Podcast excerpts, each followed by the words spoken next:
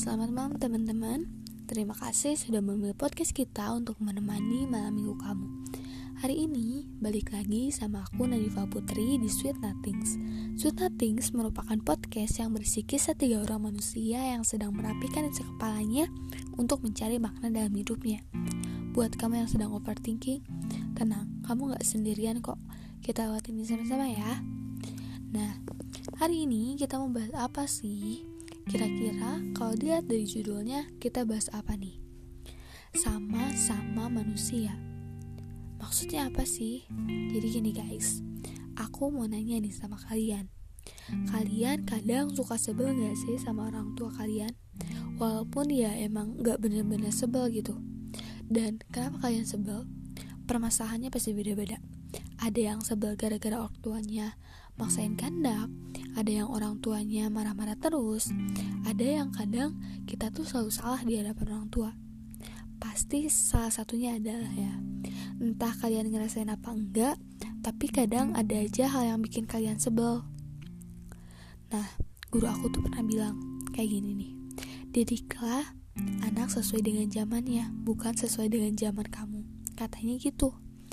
Nah, di situ tuh aku nemu sebuah hal yang bahwa cara ngedidik anak tuh beda-beda gitu. Setiap anak setiap anak tuh kita tuh harus beda-beda karena anak-anak tuh punya kepribadian yang gak sama gitu. Nah dari zamannya aja beda. Otomatis kayak ngadapin apalagi uh, ininya kayak pribadi seorangnya gitu pasti beda. Nah contohnya gini nih.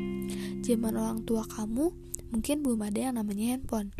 Ya kalaupun ada masih terbatas dan hanya orang-orang tertentu yang punya. Beda sama kita yang udah hal yang gak asing lagi yang namanya handphone. Dari di zaman sekarang tuh udah gak asing lagi. Nah, keseharian pun beda gitu. Gak sekali atau dua kali aku e, dengar kalau misalnya zaman dulu tuh kayak keras. Mungkin bisa dibilang tegas gitu. Kayak kalau kita bisa bilangnya marahin gitu tapi menurut mereka tegas gitu. Banyak yang bilang kayak gitu. Nah uh, terus banyak yang bilang juga kayak zaman kita tuh enak gitu. Kayak ya menurut mereka zaman kita tuh enak. Nah uh, kayak cara ngedidik cara ngedidik orang tua kita tuh mungkin aja dibawa dari cara ngedidik kakek nenek kita ke orang tua kita gitu. Kayak marah-marahnya itu loh. Mungkin kalau menurut kita marah-marah gitu. Cuman kalau menurut mereka ya itu tegas gitu. Terus cara berkomunikasi antara orang tua ke kitanya juga kadang mungkin bisa dibilang kurang bukan salah ya. Cuman kayak kurang benar atau gimana gitu. Kayak kayak mungkin kita nganggapnya kayak salah dikit kayak dimarahin kayak dan lain-lain gitu. Kadang gini guys. Kalau misalnya kita disuruh nih sama orang tua kita kan kadang suka ya nanti dulu bentar ini lagi ini bentar ya dan lain-lain gitu. Terus orang tua kamu tuh marah-marah. Gini gini gini gini misalnya kan bilang bla bla bla bla bla nah terus kita tuh emang ngerjain gitu. Kayak abis orang tua kita marah tuh kita tuh ngerjain. Cuman sambil ngedumel kan. Kalau aku sih kayak gitu gitu entah kalau kalian.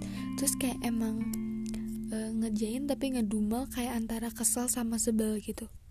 Beda halnya kalau gini. Kalau misalnya orang tua kalian nyuruh beliin ini ke warung nah kita iya bentar lagi ini.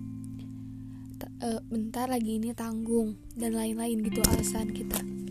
Nah terus uh, orang tua kalian jawab kamu nggak sih nggak kasihan sama mama dengan nada yang bisa dibilang capek gitu? Dan kalau aku sih jelek gitu. Kayak gila rasanya tuh bersalah. Rasa bersalah tuh langsung muncul gitu seketika dan bikin kita tuh kayak dengan sukarela ngerjain hal itu dan bahkan lebih dari yang disuruh gitu. Jadi buat para ibu atau ayah yang dengerin podcast ini daripada capek marah-marah mending ikutin saran aku untuk ngertiin dulu anaknya dan ngomong baik-baik karena itu cukup ampuh. Nah kemudian aku pernah baca tapi aku lupa di mana bacanya cuman intinya tuh kata-katanya gini orang tua kalian juga baru pertama kali jadi orang tua. Jadi kalau ada kesalahan maklumin ya. Nah kalian aja kadang kalau bikin salah dimaklumin sama orang tua. Tapi kenapa kalian gak maklumi kesalahan orang tua kalian? Aku dari kecil ini sekedar cerita ya. Entah bisa dibilang cerita atau gimana. Aku dari kecil nggak hidup sama orang tua. Maksudnya kayak nggak tinggal sama ayah ibu gitu aku tinggal sama kakek dan nenek. Dan zaman tuh dulu tuh aku emang komunikasinya tuh bisa dibilang kurang lancar kan. Nah dari situ banyak yang bilang kayak ibu kamu tuh nggak inget sama kamu. Ibu kamu tuh ini ibu kamu tuh ini dan bla bla bla bla. Dan yang namanya juga anak kecil ya bu. Jadi ya yang namanya ke dokter itu ada gitu. Sampai kayak aku udah besar dan aku tahu bahwa ibu aku juga bahkan orang tua aku juga nggak mau kayak gini gitu. Tapi keadaannya yang ngarusin kayak gini. Dan maka dari itu gak semua yang menurut kamu salah tuh emang bener-bener salah gitu. Gak semua hal yang menurut kamu kesalahan orang tua itu bener-bener kesalahan mereka gitu. Tapi emang banyak hal yang buat mereka jadi kelihatan salah di mata kamu di mata kita permasalahan tuh permasalahan kayak gitu kayak permasalahan kayak beda pendapat atau miskomunikasi dan kayak gitu tuh bikin kita dewasa gitu kalau kita ngerti gimana cara nyelesainnya dan dengan cara kita sendiri.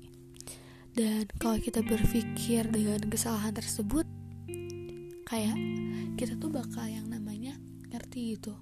Karena ya pastinya kamu juga bakal ngerasain hal itu gitu.